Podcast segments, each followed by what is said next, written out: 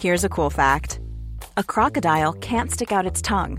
Another cool fact you can get short term health insurance for a month or just under a year in some states. United Healthcare short term insurance plans are designed for people who are between jobs, coming off their parents' plan, or turning a side hustle into a full time gig. Underwritten by Golden Rule Insurance Company, they offer flexible, budget friendly coverage with access to a nationwide network of doctors and hospitals. Get more cool facts about United Healthcare short term plans at uh1.com. Quality sleep is essential. That's why the Sleep Number Smart Bed is designed for your ever evolving sleep needs. Need a bed that's firmer or softer on either side? Helps you sleep at a comfortable temperature? Sleep Number Smart Beds let you individualize your comfort so you sleep better together. JD Power ranks Sleep Number number 1 in customer satisfaction with mattresses purchased in-store. And now, save 50% on the Sleep Number limited edition Smart Bed for a limited time. For JD Power 2023 award information, visit jdpower.com/awards. Only at a Sleep Number store or sleepnumber.com. One size fits all seemed like a good idea for clothes Nice dress. Uh, it's a it's a t-shirt. until you tried it on. Same goes for your healthcare. That's why United Healthcare offers a variety of flexible, budget friendly coverage for medical, vision, dental, and more. So, whether you're between jobs, coming off a parent's plan, or even missed open enrollment, you can find the plan that fits you best. Find out more about United Healthcare coverage at uh1.com. That's uh1.com.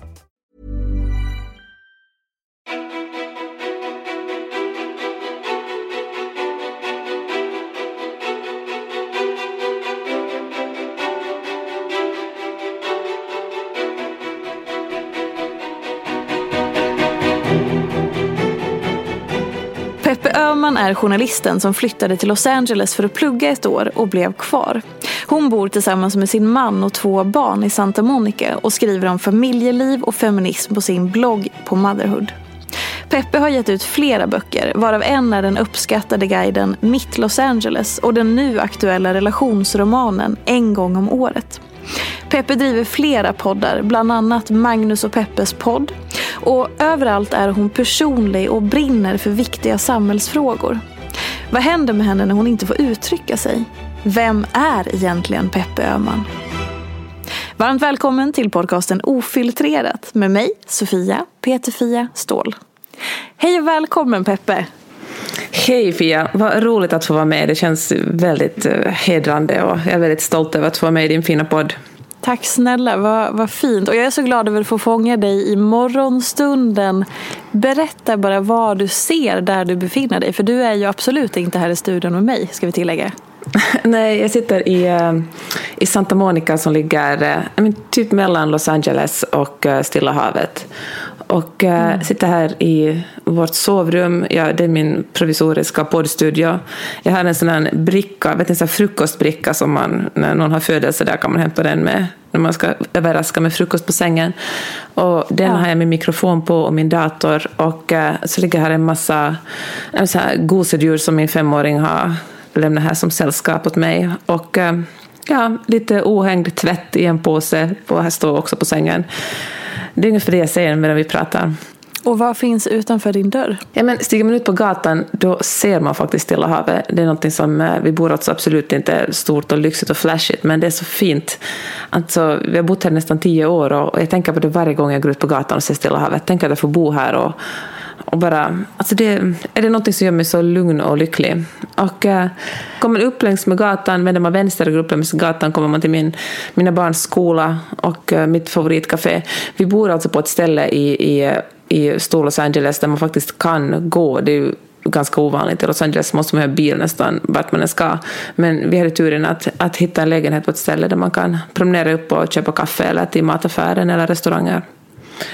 Man måste ändå ha bil, men det är ändå lyxigt att kunna välja att gå till, ta, promenera upp till skolan med barnen. När jag var i USA eh, för massa herrans år sedan så var jag så fascinerad över just i Los Angeles där de här bilköerna som, så är, som är så berömda i att folk liksom lever i sina bilar i dessa bilköer.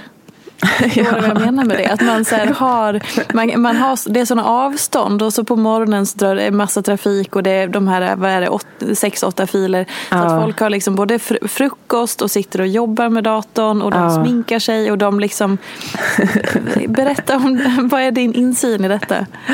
Ja, men så, jag har ju, både min man och jag vi är ju frilansare så vi kan lyckligtvis jobba hemifrån. Men eh, när jag pluggar, jag pluggar på ett universitet som heter USC som ligger i downtown och åker man dit utan trafik då tar det ungefär 25 minuter. Men äh, åker man när det är trafik, alltså på eftermiddagen, då kan det ta två timmar. Alltså det, hela mm. motorvägen förvandlas till en parkeringsplats. Och då finns det liksom ingenting man kan göra. Det finns liksom inga genvägar eller liksom små gator man kan ta. Det är bara att sitta där och jag brukar själv ringa folk jag, jag känner alltså, eller lyssna på poddar. Man har alltid snacks i bilen, alltid vatten i bilen. Och uh, mm. ja, man liksom, alla är förberedda på att det kan ta länge. Och du, det gör också att, att jag upplever att folk har en ganska alltså, flexibel inställning till tider här. Inte så att man avsiktligt inte respekterar andra människors tider, men alla har förståelse att det ibland tar extremt länge att ta sig från punkt A till punkt B. Men för, på grund av olyckor kan hända och så här. Men annars vet man ganska noga. Alltså ska man österut från Santa Monica på en eftermiddag får man räkna med att tar jättelänge. Men så kan det gå ganska fort en annan tid. Så jag tror att alla, alltså folk som bor i Los Angeles har en ganska bra uppfattning om vilken tid det lönar sig att ta sig till ett visst ställe om man får välja. Har man en arbetsplats man måste till varje morgon, då är det ju bara att sitta där och, och eh, andas lugnt och veta att så här, så här är det nu. Hur har du förändrats eh, som, som människa, om man får säga så, sen du flyttade till just Los Angeles? Jag har nog eh, blivit eh, modigare, eller, jag, eller friare på något sätt. Jag, att komma från... Eh, jag, som du, jag växte upp i, i Helsingfors och, och eh, alltså trivdes jättebra. Helsingfors är en underbar stad och hade ett bra jobb och många vänner och allt var ganska bra där. Men eh, och det var en liten identitetskris när vi flyttade hit. Jag fick ett, ett stipendium för att göra master här i, på universitetet. Och eh, jag var liksom van att, att jag hade ett ganska bra jobb. Liksom. Jag jobbade som chefredaktör för en tidning som heter Papper när jag bodde i Helsingfors. Och det var ungefär motsvarighet till Nöjesguiden i, i, i Sverige. Och eh, ja, men det var kul, fick en massa inbjudningar att gå på fester och liksom alltså, kände, så Helsingfors är en ganska liten stad, så vi kände alla varandra. Och, eh, mm. och så flyttade jag till Los Angeles där jag verkligen inte kände en själ. Och, eh, och, eh, och jag, och jag, hade alltid, jag hade en uppfattning om att jag är ganska bra på att skriva. Jag skrev några böcker och jobbade som journalist i många år och så kom jag till en, en skola där jag var tvungen att, att, att, skriva allt på engelska. Och jag trodde att jag var ganska bra på engelska, men det är en helt annan sak att, att vara ganska bra på engelska och att verkligen jobba på engelska och skriva journalistiska texter på engelska. Så det var liksom en kombination av att någon slags övning i ödmjukhet och uh, identitetskris men också en enorm känsla av frihet för att jag kände att jag fick uh, på något sätt uppfinna mig själv på nytt. Gud, låter jag som en LinkedIn-kvinna nu som bara... nej, nej, nej, nej, nej. nej, nej, nej, nej, vi lägger inga sådana värderingar i det. Vi, vi tar emot detta med öppna armar. Tack. Men, att, men det, var något, det fanns något otroligt befriande, läskigt men också befriande att ingen visste vem jag var. Att jag fick vara den jag var idag. För jag tänker att man lever i ett, eh, i ett eh, på sin vanliga plats med sina vanliga vänner, sin familj och sitt jobb, då har alla en uppfattning om vem man är. Och man är ju också den personen, men det är svårare att utvecklas eftersom man hela tiden blir bekräftad som den personen man är just då. Men flyttar man till en ny plats, då får man en chans att liksom testa. Tänk om jag är den här personen idag? Tänk om jag egentligen... Eller, eller har liksom personlighetsdrag som man kanske kan dra lite till sin spets, som folk skulle tycka att man är helt galen om man gjorde hemma. Så jag... Ehm, men jag tror att det, var, det gjorde gott för mig. Det var, det var jobbigt så identitet, identitetsmässigt, men det var också otroligt befriande. Och eh, den friheten känner jag fortfarande av. Det är faktiskt en... Alltså jag känner att jag bryr mig mindre om vad, det här också klyschigt, men jag säger det bara, jag bryr mig faktiskt enormt mycket mindre om vad mm. folk tycker nu än när jag bodde hemma i Helsingfors. Tror du att det har att göra med platsen du bor på nu och kulturen eh, snarare än att det har kommit med att man, man, man vad ska man säga, blir äldre och alla säger, eller många säger att mm. ja, men det, nu när jag har nått den här åldern eller det sitter inte i åldern men du förstår att man liksom, Nej, ju precis. äldre man blir desto tryggare upplever man det kanske. Jag tror det är en kombination Jag tror det är en kombination. Det är ju det tråkiga svaret. Det är ju roligare att bara ha ett starkt svar. Nej, men, men, men jag tror att all sorts förändring på något sätt, när man, att all sorts förändring gör att man kanske blir lite friare i sig själv för att man märker att man fixar det. Men jag tror också, som du sa, att eh, kulturen här är väldigt tillåtande. Alltså hemma i Finland åtminstone så uppfattar man amerikaner som väldigt ytliga och eh, de verkar inte säga det de menar, de bara slänger ur sig klyschor. Men eh, jag tycker att alltså min tolkning av det är att folk verkligen ser varandra här. Alltså någon, man kan promenera förbi någon och så ropar personen bara I love your shoes. Och det betyder inte mm. att, alltså det betyder bara att den här personen tyckte man hade fina skor.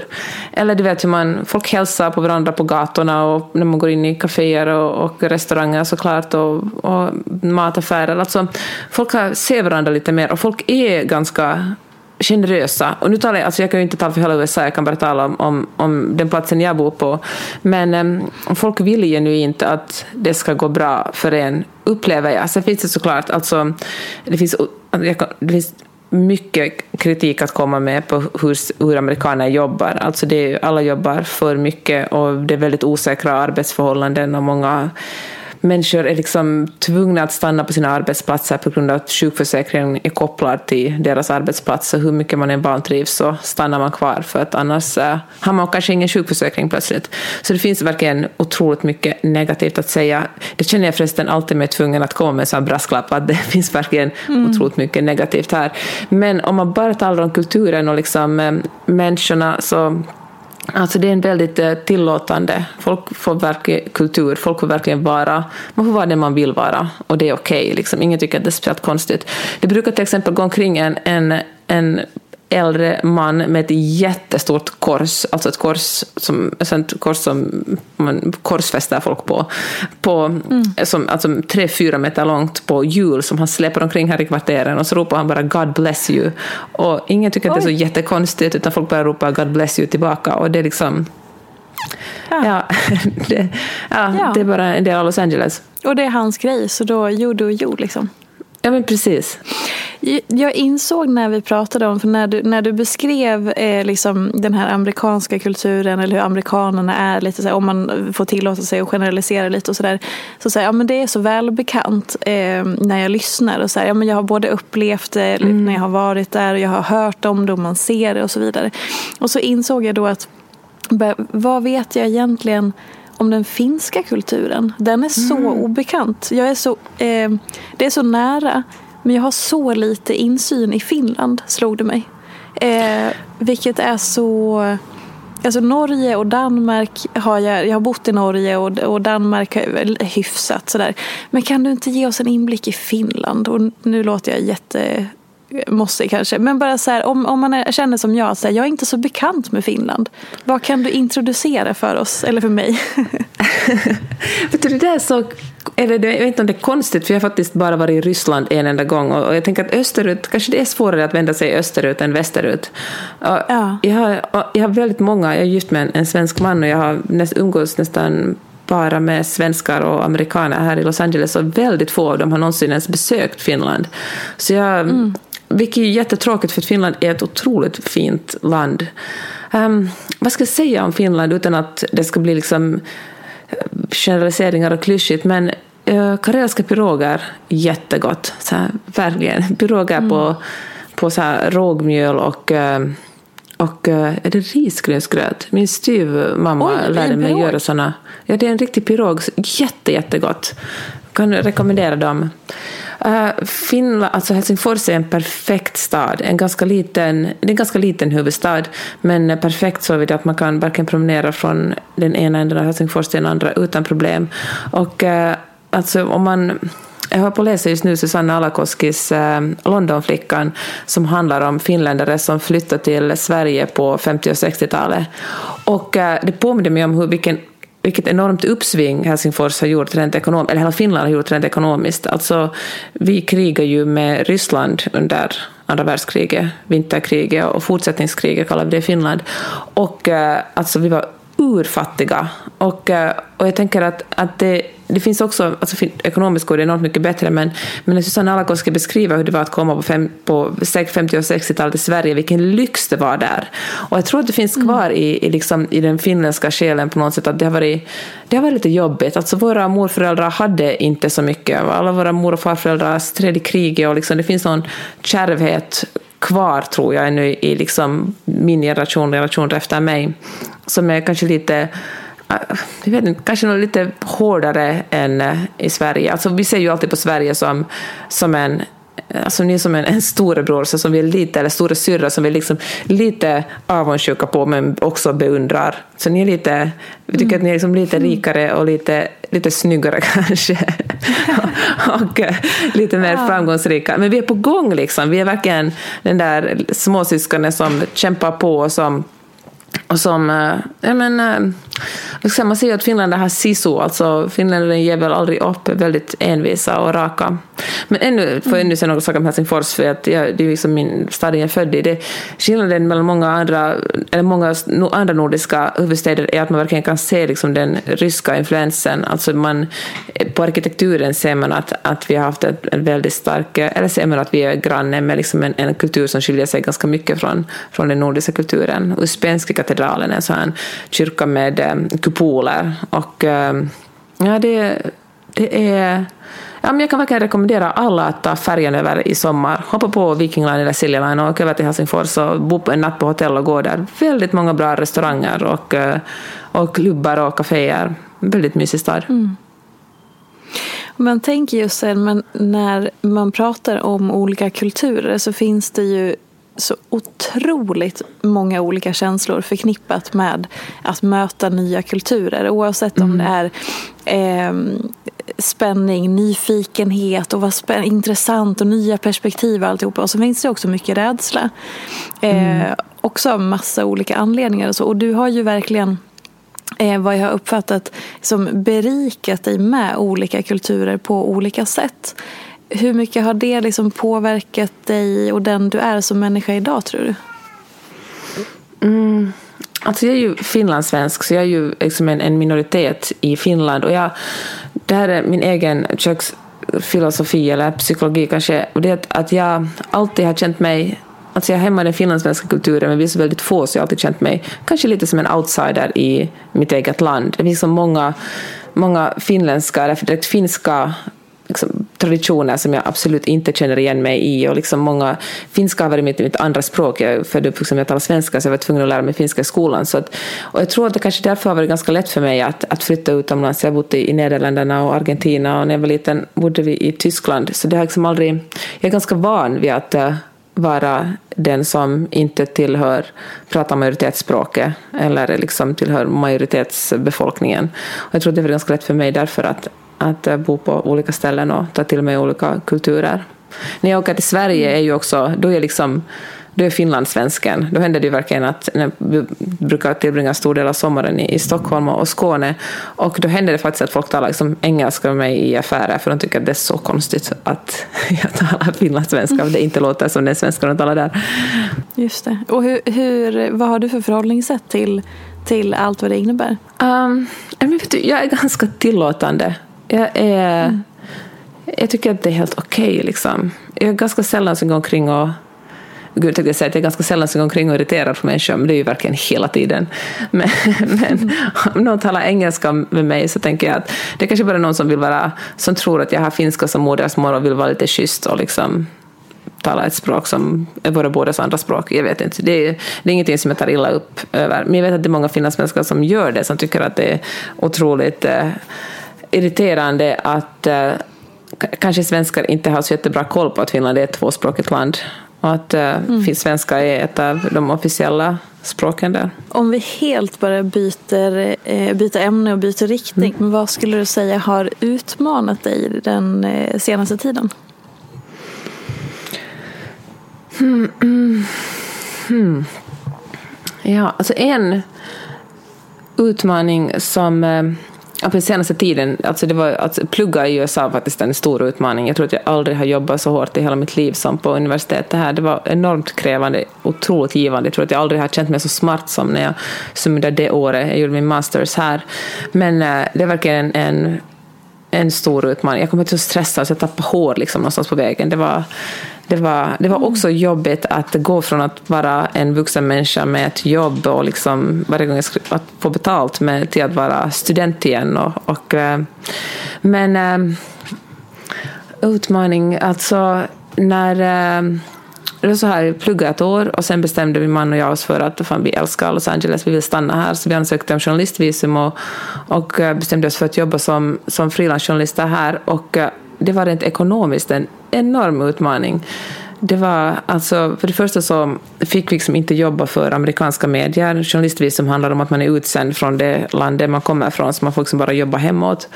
Och, eh, så vi fick liksom betalt i, i euron och eh, kronor, medan eh, om vi hade bott här hade vi fått betalt i dollar och antagligen fått mer betalt eftersom arvodena, levnadskostnaden, det är dyrare att bo här och folk får mer betalt här. Så de första åren var faktiskt ekonomiskt jättejobbiga. Det var så här, jag kommer ihåg, vi eh, var på väg ner i garaget för att uh, ska åka någonstans. Jag kommer ihåg att jag bara vände mig om till min man och sa så här att men herregud, den här månaden kan du försöka få in åtminstone 500 dollar. Alltså det skulle vara otroligt bra för jag pallar inte, jag klarar, liksom, klarar inte av att liksom pitcha in grejer som ändå ingen vill ha. Och uh, då kommer jag ihåg att vi en gång precis innan hyran skulle betalas hade vi alltid ett jättestort gräl. Och det tog mig alltså flera månader innan jag fattade varför vi alltid grälade i slutet av månaden. Jag tänkte att det är som har PMS eller är Magnus bara ovanligt störande den tiden på månaden. Mm. Men sen förstod jag att det var den ekonomiska ångesten. Det var också konstigt att uh, just för att de flesta människor som vi umgicks med här i, i Los Angeles hade kommit till, de svenskar som hade kommit hit hade kommit för att de hade fått jobb, de jobbade som producenter på stora tv-produktioner eller gjorde reklamfilm och hade jättemycket pengar, alltså mycket mer pengar än vad de någonsin hade haft i Sverige. Alltså det, hyrorna, folk betalade hyror på liksom 10 000 dollar och 15 000 dollar i månaden och, och liksom åkte på lyxiga resor och, och, och liksom verkligen kunde göra alltså verkligen levde det glammiga dröm-LA-livet.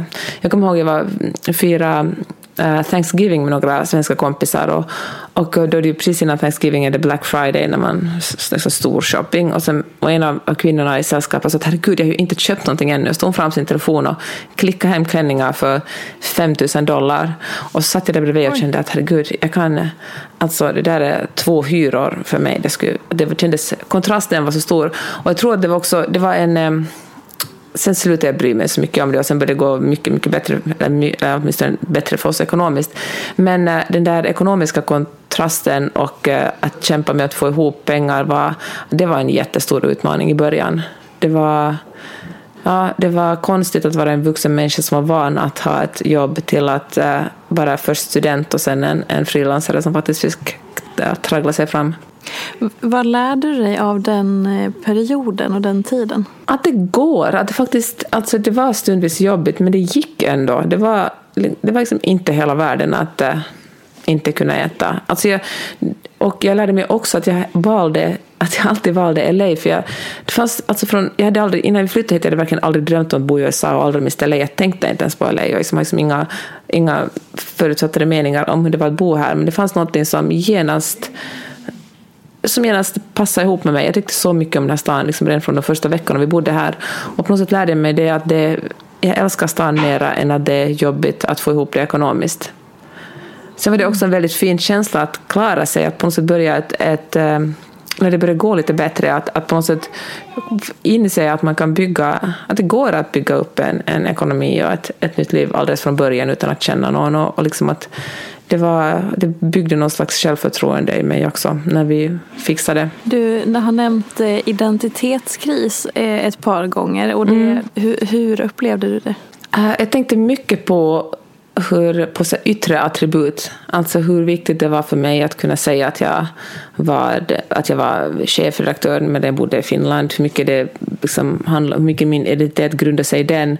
Eller journalist. Eller, och hur mycket, men, ja, men verkligen så här, egentligen titlar och, eh, och eh, ja, att, att jag hade jag hade en ganska stor blogg, jag bodde i Finland, hur mycket den eh, var en del av min identitet. Och när jag kom hit och det verkligen ingen brydde sig eller visste vad det var, hur, mm. ja, men, hur, hur liksom naken jag kände mig. Och alltså det, var inte, alltså, det var inte bara en, en dålig känsla, alltså det, var, det var lite jobbigt, men jag tänker att jobbigt måste inte nödvändigtvis vara en dålig sak. Men ehm, jag tänker att det gjorde kanske ganska gott för mig. Jag fick någon slags så här ödmjukhetscheck. I, gud, det låter det som jag verkligen gick omkring och var en väldigt uh, odräglig person i Helsingfors, vilket jag kanske var. Men uh, jag, jag tycker det var, det var, en, det var en skön... Det var en, en, jag tror det gjorde mig gott att eh, det var, kände jag, kände, jag kändes liksom, under en period så skämdes jag för att jag inte riktigt visste vem jag var, var och det var lite jobbigt. Jag kändes också över att, att vi hade ganska lite pengar. Det var, jag tyckte det var liksom jobbigt att bjuda hem folk. Men, eh, men eh, sen, ja, jag tror att det också byggde någon slags grund i, i någon slags självkänsla är att eh, det är bra att, eh, eller det går ganska bra ändå trots att jag inte har pengarna eller de yttre attributen. måste jag säga att det som också hjälpte väldigt mycket är att eh, jag inte var ensam här. Jag gjorde det med min man och vi har alltid, vi har liksom alltid haft en bra relation. Vi har haft det väldigt kul tillsammans alltid. Och uh, vi har en, en, dynamik när den ena känner att det är skakigt, då är den andra alltid väldigt stark och trygg. Och sen pendlar det liksom mellan oss. Så att uh, att jag tror att utan honom skulle det varit enormt mycket tyngre och svårare. Och sen måste jag säga, nu låter det kanske som det var, alltså det var ju verkligen, ja, det, jag, vi har aldrig lidit här, herregud ändå, det är ju bara att flytta hem om allt går åt helvete, tänker jag ofta på. Det finns ju en massa människor här som kommer från krigsdrabbade zoner, som har flytt från liksom, gängvåld i El Salvador och aldrig kan återvända hem, för då blir de mördade, eller Guatemala. Så att vi är ju verkligen otroligt privilegierade och det är ju någonting som den här staden påminner en om hela tiden också. Det är lätt att stirra på stora dyra hus och liksom folk som har sinnessjuka löner men att det finns en jättestor del av den här befolkningen som är hemlösa eller som kommer med ingenting alls. Så att eh, det är, jag är ju faktiskt medveten om att vi är enormt privilegierade och har det jättebra. Och, om man börjar titta på så här bilden av Los Angeles så, så, är väl det kanske någonstans att man förknippar det med väldigt mycket framgång. Precis som du mm. säger, de här stora husen och pengar och folks framgångshistorier och sådär. Och det då kopplat till att när du kom dit så var det som att du blev fråntagen all den där, mm. alla de där titlarna och liksom den framgången du hade jobbat upp. Och att så här, men här är jag, här hemma, här har jag min karriär, här är mina mm. titlar, här, här vet folk att här har jag lyckats. Och sen att då börja om i en stad som representerar framgång. På många, alltså, mm. Som du säger, det finns många andra nyanser och eh, det, det, gäller ju inte för alla. Men om du förstår den allmänna bilden. Liksom, till Los Angeles flyttar ja. man för att bli framgångsrik. Om vi ska ja. på något vis. Ja. Eh, den, hur var liksom, för då nu när, det också har, när din karriär har utvecklats och ert liv där har etablerats och sådär. Hur påverkad blir du nu av allt det där i form av titlar, framgång, pengar, stora hus och liksom ta sig framåt eller vilja ha mer och allt det där? Ja, men ganska lite. Jag har också fått en, en sån aha-upplevelse och det här kanske låter enormt naivt, men jag säger det ändå. Men hur um, folk som... Um, alltså det kommer faktiskt, framgången kommer alltid med ett pris. Det är de som jobbar jättemycket, jag är ofta borta jättelånga perioder. Alltså, och eh, den här framgången är ofta ganska Alltså I heterosexuella förhållanden så bidrar den ofta till en ganska stor ojämställdhet. Det är ofta så att kvinnorna mm. stannar hemma och tar hand om barnen och eh, alltså nu talar jag vare, vare, vare sig man kommer från Sverige eller Frankrike eller om man är amerikan, så är hela systemet uppbyggt så att det är ganska svårt att ha två personer i en familj som gör karriär. Alltså vill man bli riktigt framgångsrik krävs det så enormt mycket tid. Eh, jobbar man inom liksom, Hollywood eller liksom, filmindustrin eller musikindustrin så handlar det ofta om att man är tvungen att resa, vara borta flera månader om året för att, för att just göra film eller åka på turné. Och, och det gör att den andra personen stannar hemma och sköter om hushållet och, och, och barnen. Och, eh, och, eh, eller sätta sin egen karriär på paus. Alltså folk som kommer hit från, från till exempel Norden och, och eh, där man har haft en någorlunda jämställd karriär, lägger, så lägger kvinnan sin, sina ambitioner på is och, ja, och blir en, en hemmafru obs, ingen värdering i det. Det är också jättefint att ta hand om, om, om sin familj och sitt hus. Jag liksom ser absolut inte ner på det. Men eh, det måste man också komma ihåg att man skriver till ett kontrakt på det och, och så att det blir rättvist också ekonomiskt. För att eh, alltså ekonomisk eh, frihet eller att ha råd att försörja sig själv är jätteviktigt. Jag tycker det är så viktigt att man tänker på det som kvinna eftersom mm ja, man kanske dag vill man kanske skilja sig men känner att man inte har råd att göra det och det är väldigt sorgligt.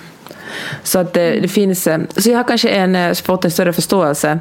Um, sen, um, hmm, jag har kanske fått en, tycker att vi har det ganska bra. Sen är det lite förrädisk den här stan, för det är, lov, det är liksom en stad som lovar väldigt mycket. Alltså det finns ett, ett löfte om att vad som helst kan hända när som helst, och det, och det kan det. Alltså det händer som små kul grejer. Liksom. Jonah Hill står och beställer kaffe liksom på, på vårt kvarterscafé. Och, eller Anthony Hopkins, jag känner aldrig en kändis, alltså det är alltid någon annan som måste peka ut dem för mig, men jag blir alltid väldigt imponerad när jag, någon gör det. Jag tycker det, det känns verkligen som LA då. Och, mm. äh, men, eh, min, vi har en god kompis som gör film och plötsligt fick min man skjuts med Bruce Willis private jet. Det är liksom, och det betyder egentligen ingenting, det är liksom bara ytligheter och, och kul anekdoter. Men eh, det finns någonting som, ja men den här stan ger ett löfte om att vad som helst kan hända. Det liksom, man måste helt enkelt på att ta steg in i ett äventyr. De allra flesta dagar är det bara vardag. Liksom. Man äter frukost, tar barnen till skolan och jobbar och sen går man och lägger sig för att man är jättetrött. Men, eh, alltså på kvällen. Men, mm. men det finns någonting som glittrar här hela tiden som kan, är både härligt och kanske också kan vara lite förrädiskt. Och din relation till då de här titlarna och framgången eller vilka ord vi nu vill använda. Mm. Har, hur skulle du beskriva relationen till det idag? Ut, kopplat till din identitet, där du befinner dig nu. Ehm, alltså det är faktiskt mindre viktigt. Jag kanske också för att jag jobbar inom en bransch där det är Alltså jag är journalist främst av allt. Jag är liksom journalist och så skriver jag böcker. Och, eh, och vid sidan av det, och jag tänk, alltså som journalist så är det ganska svårt att köpa ett hus för 15 miljoner dollar. Och, och det är ganska okej. Okay. Alltså det, det, är helt okej okay för mig. Sen tror jag också att, att eh, Alltså generellt i, i USA är titlar väldigt viktigt. Alltså att uh, om du har talat med en väninna som vill byta jobb och hon sa att en av de viktigaste sakerna hon vill göra är att uh, få en bättre titel för då kanske hon får upp sin lön. Men som frilansare så är det alltså inte så viktigt faktiskt. Jag, alltså, mm. nej. Det, det är faktiskt, men jag tror också det, för det känns som, som jag aldrig, jag liksom inte, det är mindre viktigt för mig för jag jobbar inte i en organisation eller jag, jobbar liksom, jag är ganska ensam i mitt jobb. Jag är, jag är den jag är liksom i mitt eget sammanhang.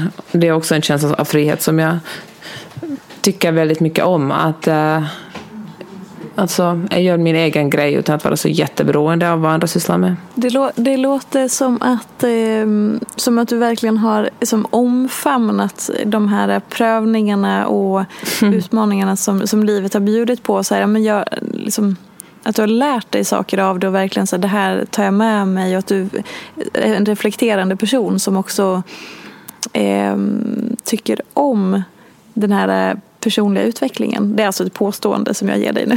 Får säga om det stämmer. Vad snällt, det låter jättefint och, och snällt när du säger så. Alltså, men jag tänker att man får väl kämpa med sig själv hela tiden. Sen ehm, har ju en, en god vän som pratar mycket om det här. Hon är coach och vi har ett kvinnligt nätverk tillsammans som heter Friday Lab. Och hon pratar mycket om eh, personlig utveckling och ställer mig en massa frågor varje dag. Vi talar i telefon varje dag när vi pratar om vårt, om vårt nätverk. Och eh, det har väl kanske hjälpt mig att försöka, jag vet inte, hitta, men ja. Sen känner jag mig såklart oftast också som en misslyckad person som inte riktigt vet vart eh, jag är på väg.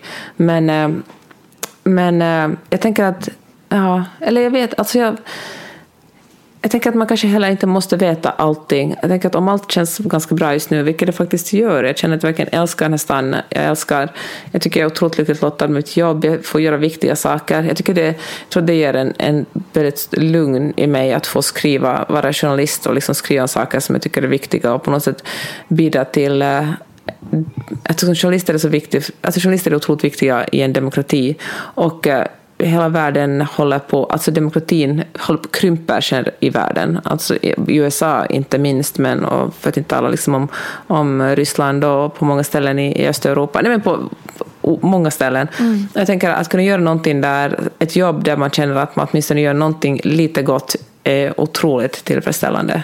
Verkligen. Och, och, och i det här, har du fått någon så insikt någon gång eh, där någon har påstått någonting om dig, någon som du känner eller är i närheten mm. av, och som har sagt något påstående om dig och bara, ah, men du är ju så här. Och du bara, nej, eller va? Och så bara, jo, du har rätt. Det, jag är ju så, men det har jag inte fattat själv förrän nu. Har du fått någon sån ja, kastad vilken, på dig någon gång i något sammanhang? Vilken bra fråga. Um, jag gör en podd, eller jag gör många olika poddar, men jag har bland annat en podd med min man som, där vi talar mycket om feminism och, och politik. Och, eh, och eh, det var någon som eh, kommenterade och skrev så här att Peppe, du gör mig så lugn när du pratar om, om politik. Och det tyckte jag var en otroligt fin komplimang. Det jag liksom aldrig tänkt på, för jag var ganska, i det avsnittet pratade jag ganska mycket om hur jag tror att, att eh, Finlands äh, krig, alltså att mina, alla våra far och morföräldrar stred i krig, att, att liksom, just någon slags posttraumatiskt stresssyndrom som liksom brinner ner många generationer och, och otroligt, eh, om ganska, jag talar om ganska obehagliga saker. Och så sa den här personen som kommenterade på bloggen sa att, att hon blir lugn av att höra det och det kändes som en otroligt fin komplimang, för det jag aldrig tänkt. Jag tänkte att jag kanske mest lät som jag är mest lätt stressad och nervös. Fint. Kan du berätta någonting som, eh, som vi inte får se eh, från dig? Så här, du delar med dig på sociala medier eller mm. du delar med dig av olika saker i olika sammanhang. Så är det någonting som, som du håller helt för dig själv? Det klart finns, men kan du ge något exempel? Bjuda på någonting sånt. Jag har ju bloggat så himla länge. Jag började den 2005, så jag tror det sitter ganska alltså, arbeta upp en sån här, en sån här precis uh, ryggradskänsla om vad jag delar med mig och vad jag inte delar med mig. Och det är såklart självklarheter som att aldrig liksom, dela med mig när mina barn är ledsna och ganska lite faktiskt av speciellt mitt äldre barn för att han får väl ha sin integritet.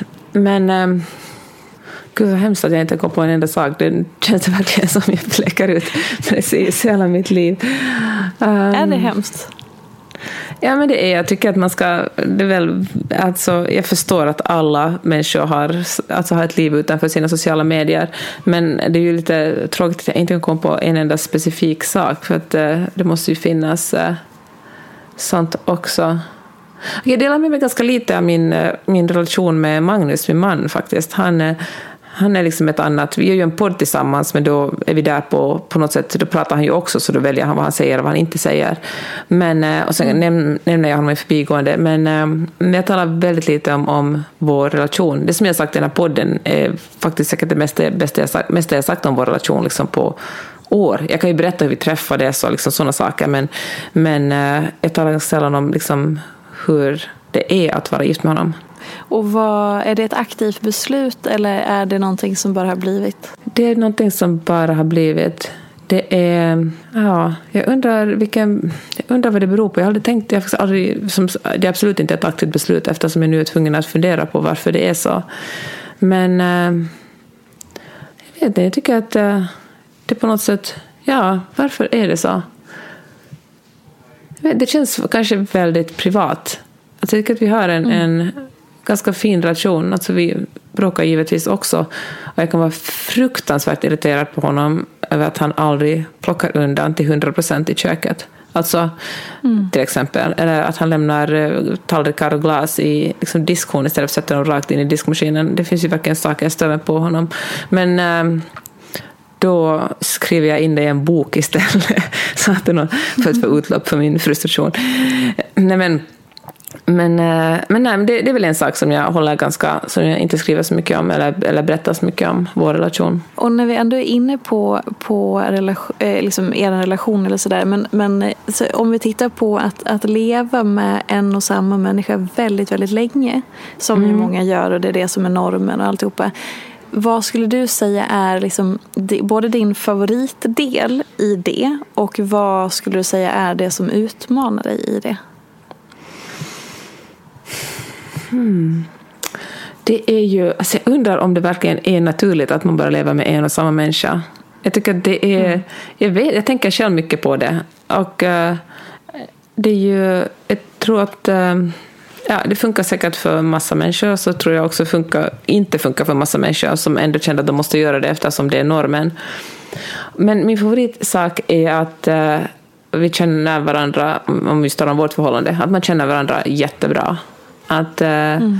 Och på något sätt hitta, kan verkligen ha en massa så här skämt som bara vi förstår och uh, referenser som ingen annan fattar.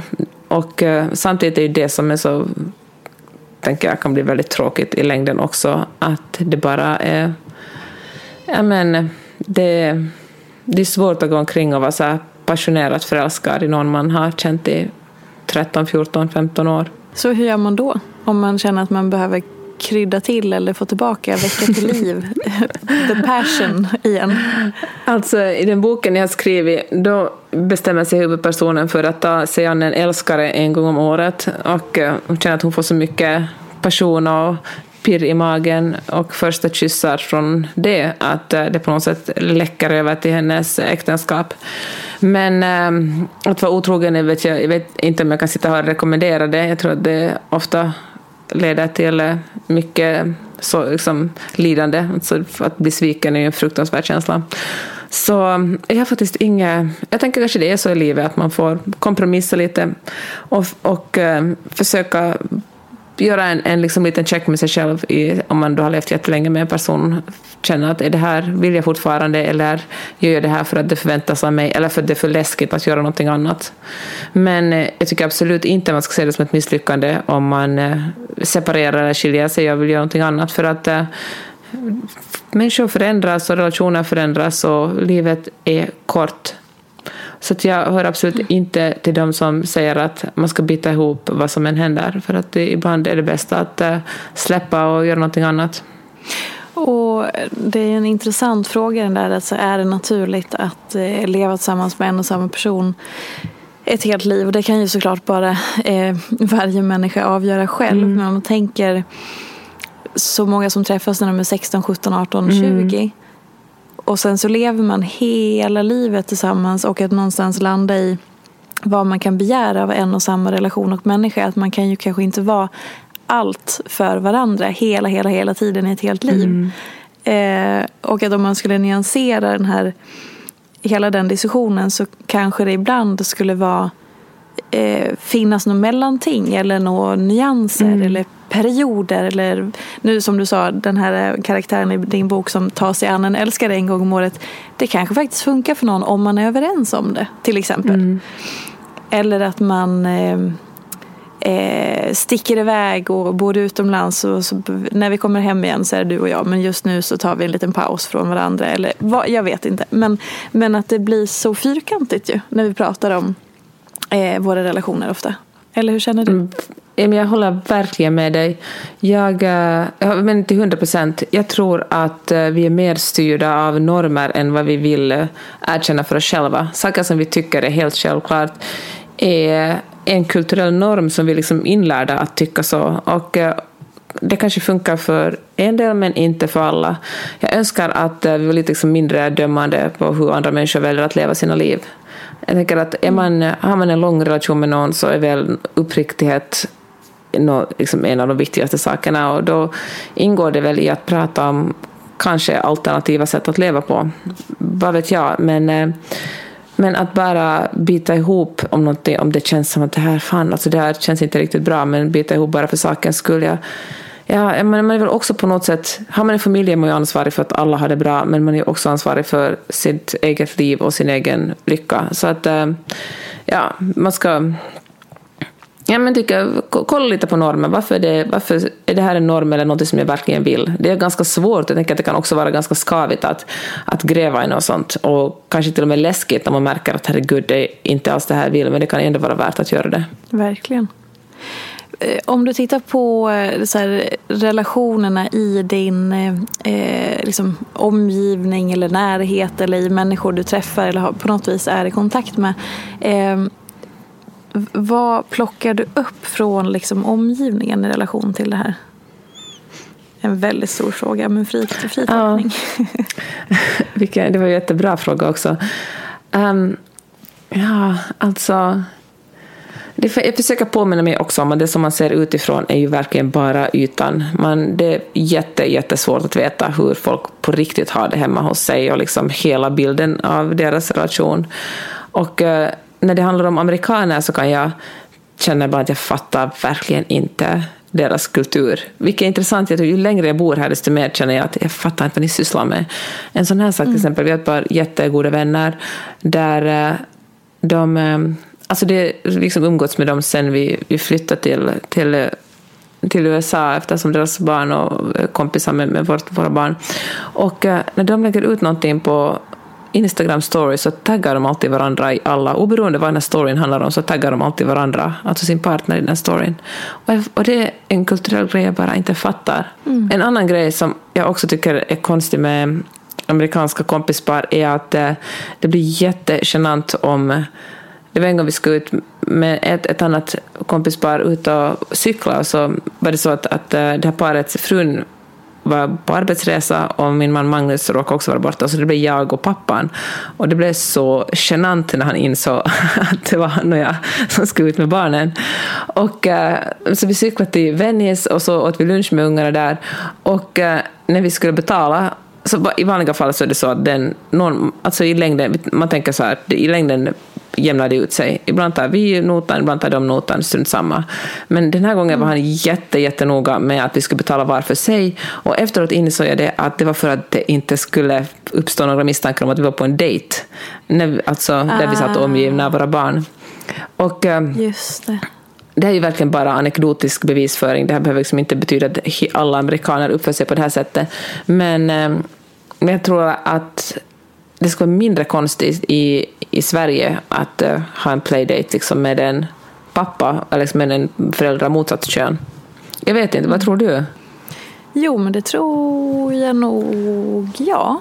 Det, och ja, det, det, alltså det, jag tänker att det också kanske lite beror på om det är eh, i, från, utifrån omgivningens betraktelse eller utifrån mm. liksom inifrån paret. Alltså om det finns svartsjuka, otrygghet och så mm. vidare. Eller vilken värdering och sådär. Men ja, jag men tänker precis. att det är, ganska, det är väldigt vanligt med eh, kompisar och föräldrahäng och eh, över liksom alla de klassiska rollerna. Så att, ja, men det kanske Ja, det kanske är en skillnad där. Kulturell skillnad. Eller alltså, det får inte uppfattas som en det. Ja, intressant. Mm. Verkligen intressant.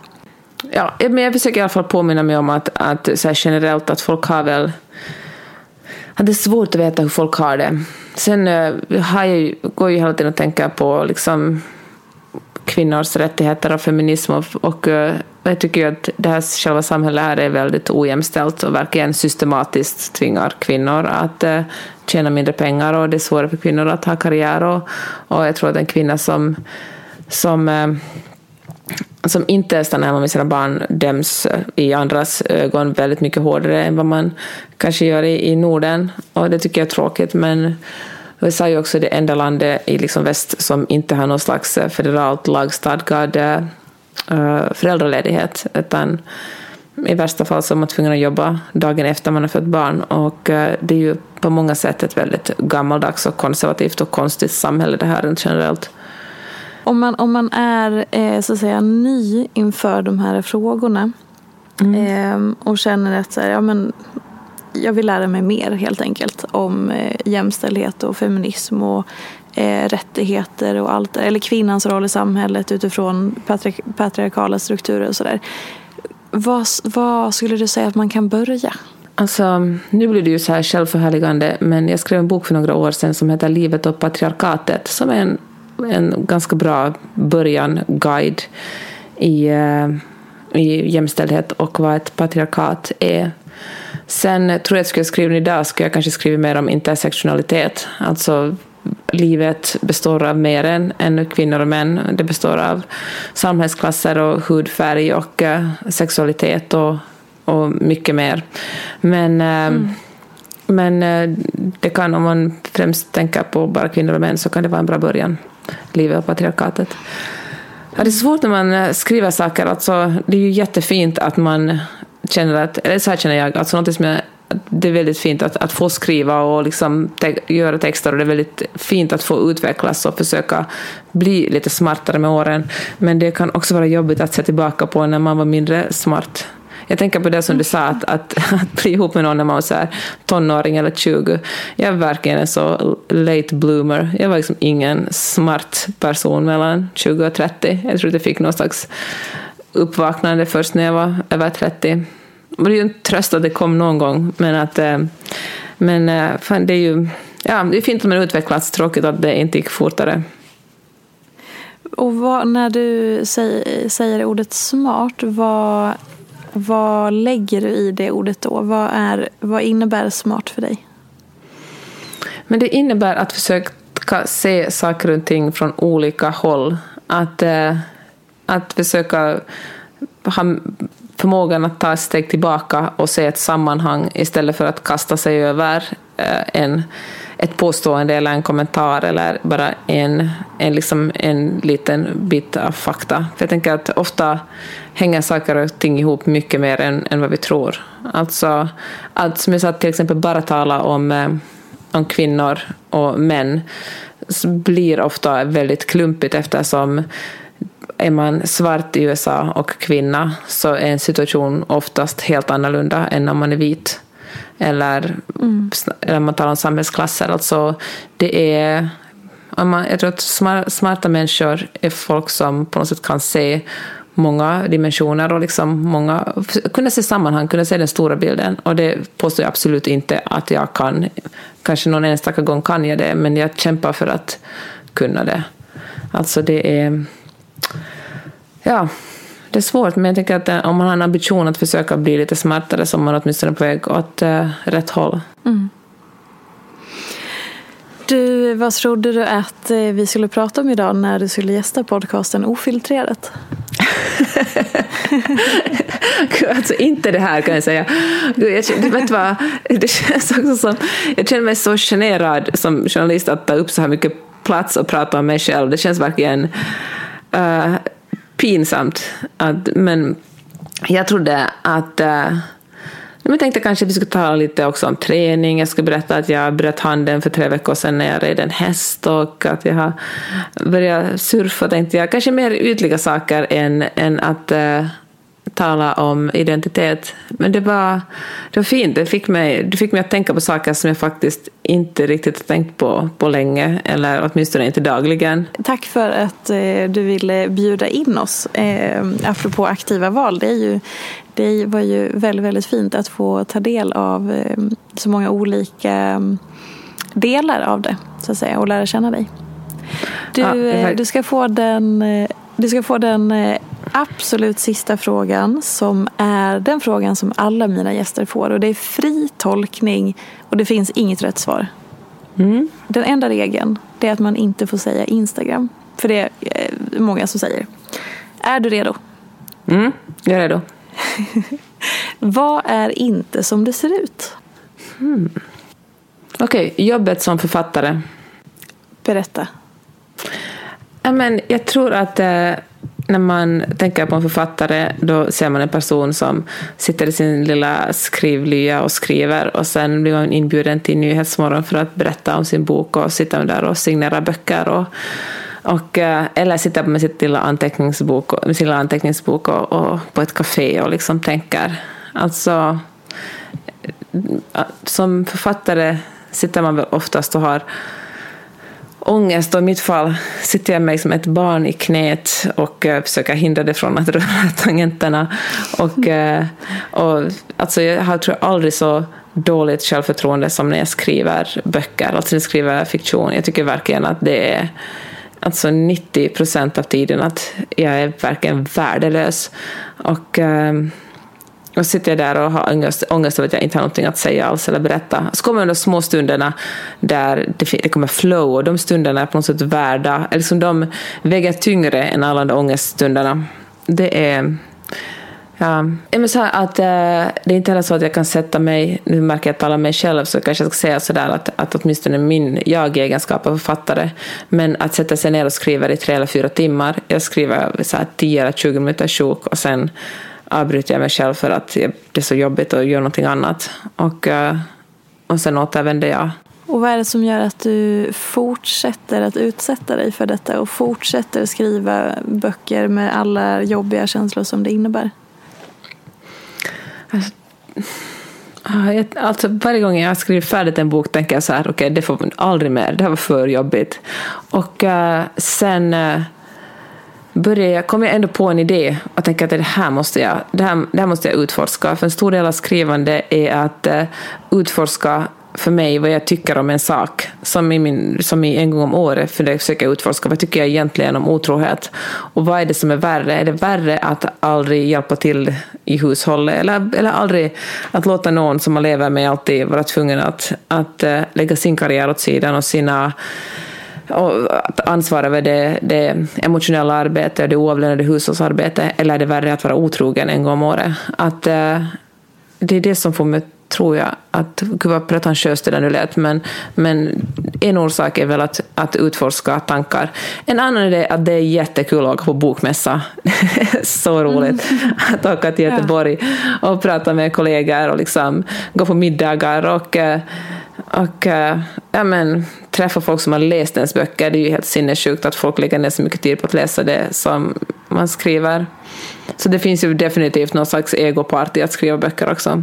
Gud vad spännande. Jag tänker att eh, den, eller någonting som jag har noterat också, som du sa i början av samtalet, att du vill lägga in så en brasklapp. Att säga, ja, ja, men USA är fantastiskt och det här mm. är så härligt. Men det finns också massa som inte är så bra och så vidare. Eh, och att du återkommer till när du säger någonting som är bra eller härligt så är du ganska snabb med att tillrättavisa dig själv. Eller, åh, det där var pretentiöst. Eller, oh, jag, nu låter jag så självgod. Eller, mm. Tänker du på det själv? Så mycket. Alltså jag tänker verkligen jättemycket på det. Jag är jätterädd för att låta självgod. Alltså det är min... Jag tror jag tänkt på det ända sedan jag började blogga. Att eh, det är... Ja, jag vet inte varför jag är så rädd för det. För att, men eh, att låta självförhärligande eller självgod är någonting som jag verkligen inte vill. Och, och jag, det, ja, jag vet, kanske det är någonting finskt i mig. Att det är det fulaste som finns att gå omkring och, och tycka att man själv är så himla härlig. Mm. Men, eh, men jag tycker också att jag har det... Hmm, jag, jag, tycker jag har det så... Alltså jag har det så bra. Det är så... Jag, jag, alltså, jag, tycker, alltså, jag är så glad för att jag har det så bra. Men jag vill på något sätt heller inte... Um, eller vad ska jag säga att jag hade så bra, jag är så nöjd. Jag tycker att, ja, jag är verkligen så lyckligt lottad. Jag vill liksom hellre förmedla att jag fattar hur otroligt privilegierad och lyckligt lottad jag är, än att vara sådär, kolla vad bra jag tycker att jag själv är. Liksom mycket roligare med folk som har lite självdistans än folk som är självgoda. Oh ja. Det är väl nog många som kan skriva under på. Mm. du, eh, vad skulle du vilja avsluta den här podden med? Jag är superglad för att få vara med på den tycker jag, Fia. Du ställde jätte, jättebra frågor. Och, eh, Tack snälla. Ja, okej, så här. Får man komma med ett, ett självgott råd eller något sånt på slutet? Eh, ja. gör någonting som det är okej okay att vara Förlåt. dålig på. Om, om vi for, formulerar så att du tar bort att det inte är ett självgott råd utan ja. det är någonting som du vill ge vidare för att du har lärt dig, för du har också kunskap utan att vara självgod. Det är bara någonting Tack. du vill ge vidare för att det är fint och vettigt och klokt. För det kan du vara utan att vara självgod, eller hur? Ja, ja. tack för att du säger så. Jag ska försöka, det ska jag ta till mig. Det här, jag ja, är en person... Bra. jag är en person som har sett som eh, tycker om att... Alltså jag vet att prestation är viktigt i mitt liv och jag försöker att det inte ska vara så viktigt, men jag vill, det, det är ändå viktigt. Jag älskar till exempel att rida, jag rider väldigt mycket, men det är viktigt för mig personligen, inte för någon annan, bara för mig. Jag ska vara duktig på det. Och, eh, och det gör att det är härligt, men att jag också jag men, kämpar ibland lite för mycket. Och eh, så har jag också börjat surfa nu. Och eh, det finns något otroligt befriande i att vara dålig. Att verkligen börja med någonting där när jag kommer upp på surfbrädan är jag glad och liksom eventuellt kan svänga lite. Då känns det liksom som jag har vunnit en medalj. Och eh, det här skulle jag föra vidare, att göra någonting, börja med någonting där ni är nybörjare och där det är verkligen helt okej okay att vara dålig. Där liksom inte finns en prestation, ett prestationskrav där ni ska visa att ni är duktigast.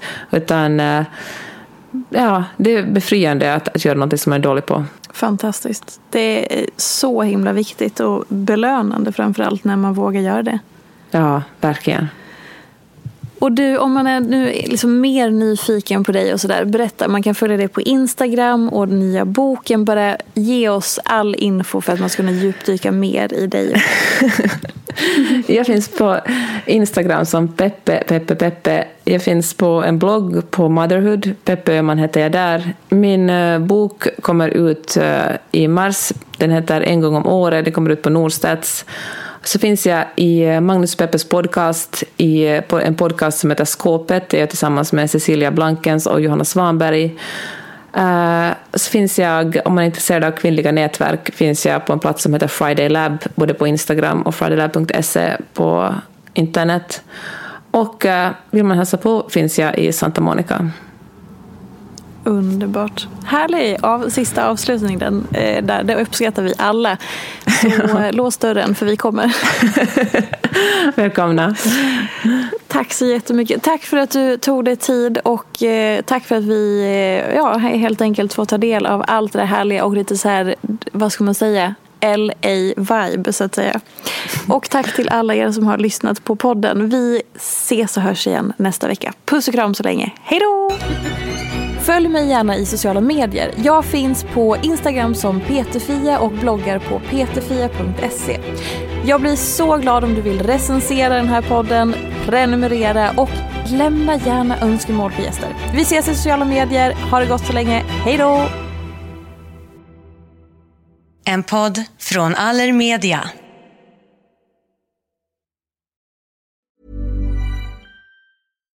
Hi, I'm Daniel, founder of Pretty Litter. Cats and cat owners deserve better than any old-fashioned litter. That's why I teamed up with scientists and veterinarians to create Pretty Litter. Its innovative crystal formula has superior odor control and weighs up to 80% less than clay litter. Pretty Litter even monitors health by changing colors to help detect early signs of potential illness. It's the world's smartest kitty litter. Go to prettylitter.com and use code ACAST for 20% off your first order and a free cat toy. Terms and conditions apply. See site for details. Hold up. What was that? Boring. No flavor. That was as bad as those leftovers you ate all week. Kiki Palmer here, and it's time to say hello to something fresh and guilt-free. Hello Fresh. Jazz up dinner with pecan-crusted chicken or garlic butter shrimp scampi. Now that's music to my mouth. Hello Fresh. Let's get this dinner party started. Discover all the delicious possibilities at hellofresh.com.